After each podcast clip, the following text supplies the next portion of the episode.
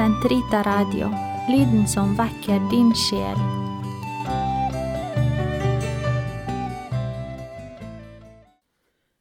Den katolske kirkes katekisme, uke 19, onsdag, paragraf 1348 til 1355. Feiringens forløp. Alle forsamles. Kristne kommer sammen på ett sted til eukaristisk samling. Kristus inntar æresplassen for det er han som først og fremst handler i eukaristien. Han er ypperste prest i den nye pakt. Det er han selv som på usynlig vis fører forsetet under enhver feiring av eukaristien. Det er i hans sted biskopen eller presten som handler i Kristi i hodets person. Fører forsetet i forsamlingen, griper ordet etter lesningene, tar imot offergavene og fremsier eukaristibønnen. Alle tar aktivt del i feiringen, hver på sin måte. Lektorene, de som bringer offergavene, de som deler ut kommunionen, og hele folket som ved sitt amen gir sitt samtykke til kjenne. Ordets liturgi består av profetenes skrifter, dvs. Si Det gamle testamentet, og apostlenes erindringer, dvs. Si deres brev og evangeliene. Etter homilien, som maner til å ta imot dette ord som det, som det det virkelig er, Guds ord, og til å leve etter det, kommer forbønnene for alle mennesker etter apostelens ord jeg ønsker altså fremfor alt at man fremfører bønner og påkallelser, forbønner og takksigelser for alle mennesker, for kongene og alle øvrighetspersoner. Frembæringen av offergavene, offertorium eller offergang, brød og vin bæres frem til alteret, noen ganger i prosesjon. De frembæres av presten i Kristi navn i det eukaristiske offer hvor de forvandles til hans legeme og blod. Dette er Kristi handling ved den siste nattverd, da han tok brød og en kalk. Denne offergave er det bare Kirken som bærer ren frem for Skaperen, idet den under takksigelse ofrer det som stammer fra hans skaperverk. Frembæringen av offergaven til alteret minner om det Melkisedek gjorde, og er en overgivelse av Skaperens gaver i Kristi hender. Det er Han som i sitt offer fullkommengjør alle menneskelige forsøk på ofringer.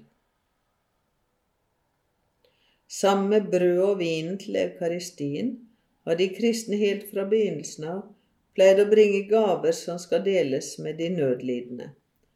Skikken med kollekt, som fremdeles holdes i hevd, minner om Kristi eksempel, han som gjorde seg fattig for å gjøre oss rike. De velstående og de som ønsker det, yter frivillig hvert sitt bidrag. De innsamlede midler blir overlatt forstanderen, og han bistår foreldreløse og enker, dem som har sykdom eller andre grunner lider nød, fanger og fremmede på gjennomreise.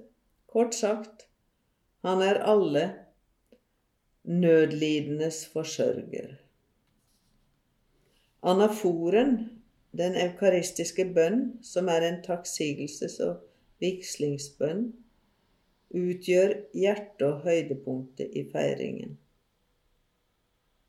I prefasjonen takker Kirken Faderen ved Kristus i Den hellige ånd for alt hans verk, for skaperverket, gjenløsningsverket og helliggjørelsen. Deretter slutter hele forsamlingen seg til den lovsang som den himmelske kirke, englene og alle de hellige uten opphør synger for den tre ganger hellige Gud. I epiklesen ber den Faderen sende sin hellige ånd, eller sin velsignelseskraft, nedover brødet og vinen, slik at de ved hans kraft blir Jesu Kristi legeme og blod, og slik at de som tar del i Eukaristien, kan være ett legeme og én ånd. Visse liturgiske tradisjoner plasserer epiklesen etter anamnesen.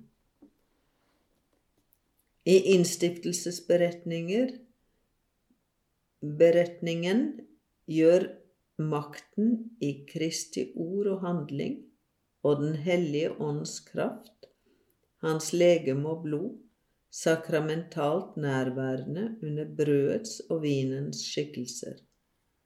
Hans offer båret frem på korset en gang for alle. I anamnesen som følger rett etter, minnes Kirken Jesu Kristi lidelse, oppstandelse og gjenkomst i herlighet. Den bærer frem for Faderen Sønnens offer, som forsoner oss med ham. I forbønnene gir Kirken uttrykk for at eukaristien feires i samfunn med hele Kirken i himmel og på jord, med de levende og de døde, og i kommunion med Kirkens hyrder, paven, stedets biskop og hans presteskap og diakoner, og med alle biskoper over hele jorden og deres kirker. Ved kommunionen, som følger etter Herrens bønn og brødsbrytelsen, fraksjonen, mottar de troende brød fra himmelen og frelsens kalk, Kristi legeme og blod, Han som ga seg selv for verdens liv.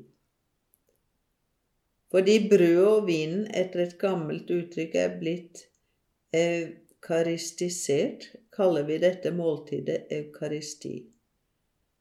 Ingen annen har lov til å ta del i det enn den som tror at det vi lærer er sant, som er blitt renset i det bad som gir synsforlatelse og gjenfødelse, og som lever slik Kristus har lært oss.